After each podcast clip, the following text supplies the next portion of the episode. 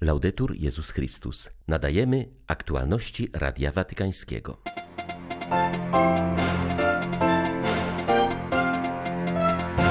W życiu codziennym powinniśmy być odbiciem Trójcy Świętej, czyli żyć na obraz Boży dla innych, powiedział papież w rozważaniu przed modlitwą Anioł Pański. Nawiązując do wczorajszej beatyfikacji sióstr Elżbietanek, męczenniczek, Franciszek zachęcił, by ich przykład poświęcenia dla chorych i starszych pomógł w odważnym dawaniu świadectwa Ewangelii. Dziś przypada Światowy Dzień Sprzeciwu wobec pracy dzieci. Coraz bardziej łamane są prawa najmłodszych. Co dziesiąty z nich traci dzieciństwo i szansę na rozwój. 12 czerwca witają Państwa Marek Krzysztofiak i ksiądz Krzysztof Ołdakowski. Zapraszamy na serwis informacyjny. Bóg, w którym każda osoba żyje dla drugiej, a nie dla siebie, wzywa nas do życia z innymi i dla innych, powiedział papież w rozważaniu przed modlitwą Anioł Pański. Franciszek zwrócił uwagę, że liturgia słowa ukazuje nam Jezusa przedstawiającego dwie pozostałe osoby boskie Ojca i Ducha Świętego. Ojciec nie zatrzymuje niczego dla siebie i daje się całkowicie synowi. Natomiast Duch Święty mówi, ale nie od siebie samego, głosi Jezusa i objawia Ojca. Papież podkreślił, że świętowanie Trójcy Świętej jest nie tyle ćwiczeniem teologicznym, co rewolucją w naszym sposobie życia. W tym kontekście postawił pytania: czy nasze życie ukazuje Boga, w którego wierzymy? Czy uznajemy, że aby prawdziwie żyć, potrzebujemy innych, dawać im siebie i służyć im? Boga w Trójcy Jedynego należy ukazywać właśnie w ten sposób, przekładając czyny nad słowa. Boga, który jest stwórcą życia, w mniejszym stopniu przekazuje się książkami, a w większym poprzez świadectwo życia. Ten, który, jak pisze święty Jan Ewangelista, jest miłością, objawia się poprzez miłość. Pomyślmy o ludziach dobrych, wielkodusznych, cichych, których spotkaliśmy. Wspominając ich sposób myślenia i działania, możemy zobaczyć małe odzwierciedlenie Boga miłości. A co to znaczy miłować? Nie tylko chcieć dobrze i czynić dobrze, ale przede wszystkim zasadniczo przyjąć innych, uczynić miejsce dla innych, dać innym przestrzeń. Papież zwrócił uwagę, że w imionach osób boskich, które wymieniamy, czyniąc znak krzyża, jest obecność drugiego. Ojciec nie byłby sobą bez syna. O nim nie można myśleć jako o samym w sobie, lecz zawsze jako o synu Ojca. Duch Święty jest z kolei duchem Ojca i Syna. Trójca Święta uczy nas, że jedna osoba nigdy nie może istnieć bez drugiej. Nie jesteśmy wyspami, jesteśmy w świecie, by żyć na obraz Boży, otwarci, potrzebujący innych i wezwani, by pomagać innym. Postawmy sobie pytanie, czy w codziennym życiu jestem także odbiciem Trójcy Świętej? Czy znak krzyża, który czynię każdego dnia, pozostaje gestem, czy też inspiruje mój sposób mówienia, spotykania się, reagowania, osądzania oraz przebaczania. Niech Matka Boża, córka Ojca, Matka Syna i oblubienica Ducha Świętego pomoże nam przyjąć i świadczyć w życiu o tajemnicy Boga miłości. W pozdrowieniach do pielgrzymów papież nawiązał do wczorajszej beatyfikacji we Wrocławiu siostry Paschalis Jan i dziewięciu sióstr Elżbietanek Męczenniczek, które zginęły pod koniec II wojny światowej z rąk żołnierzy Armii Czerwonej. Tych dziesięć sióstr zakonnych, mimo świadomości grożącego im niebezpieczeństwa, pozostały blisko osób starszych i chorych, którymi się opiekowały. Niech ich przykład wierności Chrystusowi pomoże nam wszystkim, a zwłaszcza prześladowanym chrześcijanom w różnych częściach świata, z odwagą dawać świadectwo Ewangelii.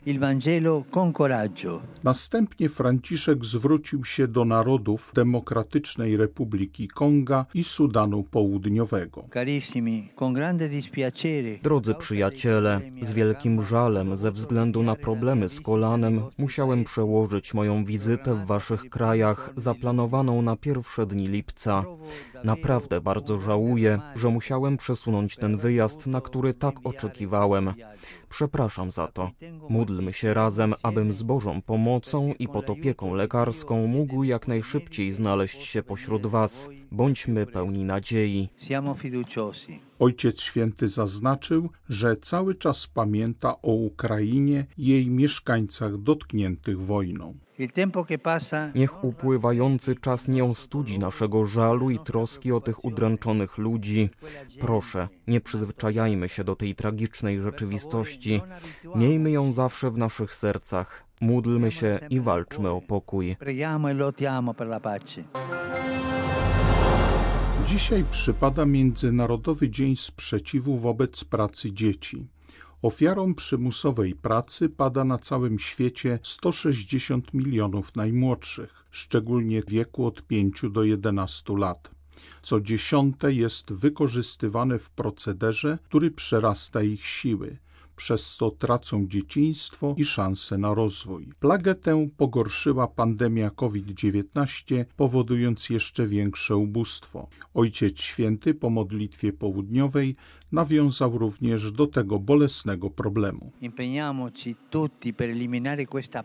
Pracujmy wszyscy nad wyeliminowaniem tej plagi, aby żadne dziecko nie było pozbawione swoich podstawowych praw i nie było zmuszane do pracy. Dzieci wykorzystywane do pracy to dramatyczna rzeczywistość, która stanowi wyzwanie dla nas wszystkich.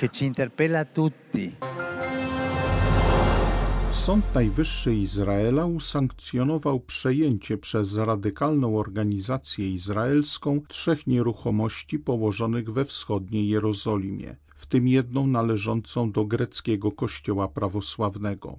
Od lat próbuje się wykorzystać słabość Kościoła, aby przywłaszczyć sobie jego własność, stwierdził w rozmowie z Radiem Watykańskim łaciński patriarcha Jerozolimy, arcybiskup Pier Battista Pizzabala. Sprawa sięga 2004 roku, kiedy organizacja żydowska uzyskała prawa do długoterminowej dzierżawy dwóch hoteli znajdujących się w dzielnicy muzułmańskiej oraz trzeciego budynku w dzielnicy chrześcijańskiej.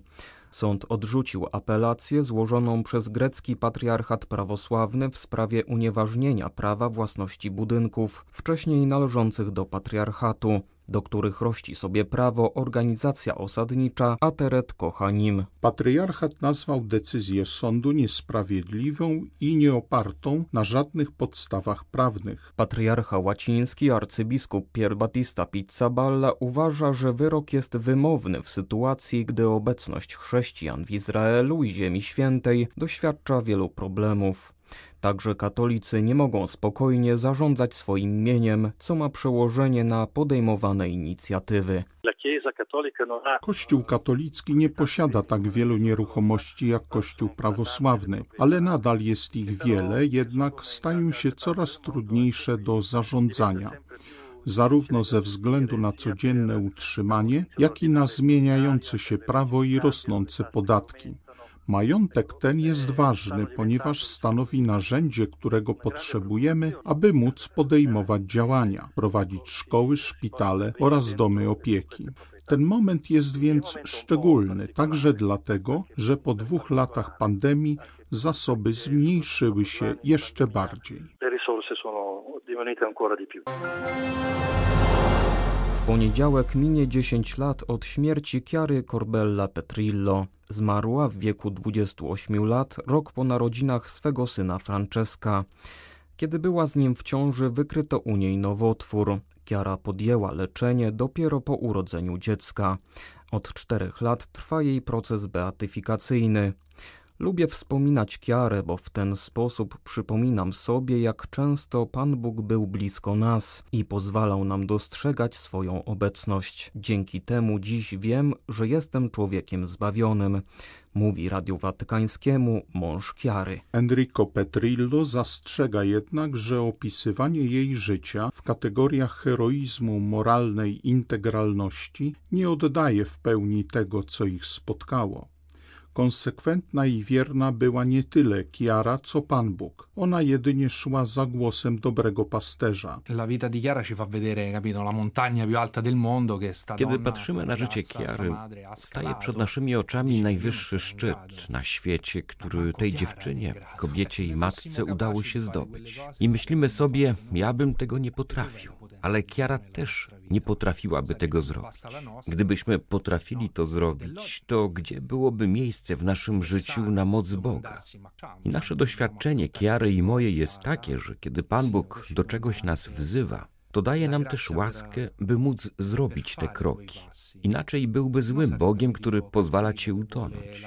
Tymczasem są to sytuacje, które pozwalają ci spotkać tego, który pozwala ci umrzeć szczęśliwym i iść po wodzie. Ti fa morire felice chi ti fa camminare sulle acque. Enrico Petrillo przyznaje, że ma problemy z medialną obecnością Chiary, bo prowadzi to niekiedy do uproszczeń, instrumentalizacji i tworzenia fałszywych mitów na jej temat. Najboleśniej doświadczył tego w dniu, kiedy jego syn znalazł w szkolnym katechizmie opowieść o swojej matce. Mało tego, że zawierała ona sfałszowaną historię, to sugerowała jeszcze, że Chiara zmarła z powodu swojego syna. Petrillo przyznaje jednak, że postać jego żony ma silne oddziaływanie. Docierają też do niego świadectwa o modlitwach, które zostały wysłuchane za jej wstawiennictwem. Za najbardziej paradoksalne uważa modlitwy o poczęcie i narodzenie dzieci, bo sama Kiara straciła dwoje dzieci tuż po urodzeniu, a trzecim cieszyła się tylko przez rok. Bardziej niż uzdrowienia fizyczne, uderza mnie świadectwo o nawróceniach, które dokonały się pod wpływem Kiary. Myślę, że jednym z centralnych punktów w jej życiu jest to, że była dzieckiem Bożym aż do ostatniego tchnienia. Był to oczywiście pewien proces. To nie jest tak, że taka już się narodziła z tą świadomością. Umarła szczęśliwa, bo wiedziała, że ani śmierć, ani cierpienie nie może jej oddzielić od Boga. I to pociąga. Też chcesz być dzieckiem Boga. Chcesz umrzeć szczęśliwy. Bycie dzieckiem jest najważniejsze w jej historii. W związku z trwającym od 2018 roku kryzysem w Wenezueli już ponad 80% mieszkańców tego kraju potrzebuje wsparcia. Puste półki w sklepach, brak dostępu do wody i prądu, zapaść służby zdrowia i systemu edukacji. To brutalna codzienność Wenezuelczyków. Wielu z nich głoduje, na co szczególnie narażone są dzieci. Już 3 miliony nieletnich w tym kraju potrzebuje pilnej pomocy humanitarnej. Wenezuelę opuściło jak dotąd ponad 5,5 miliona osób.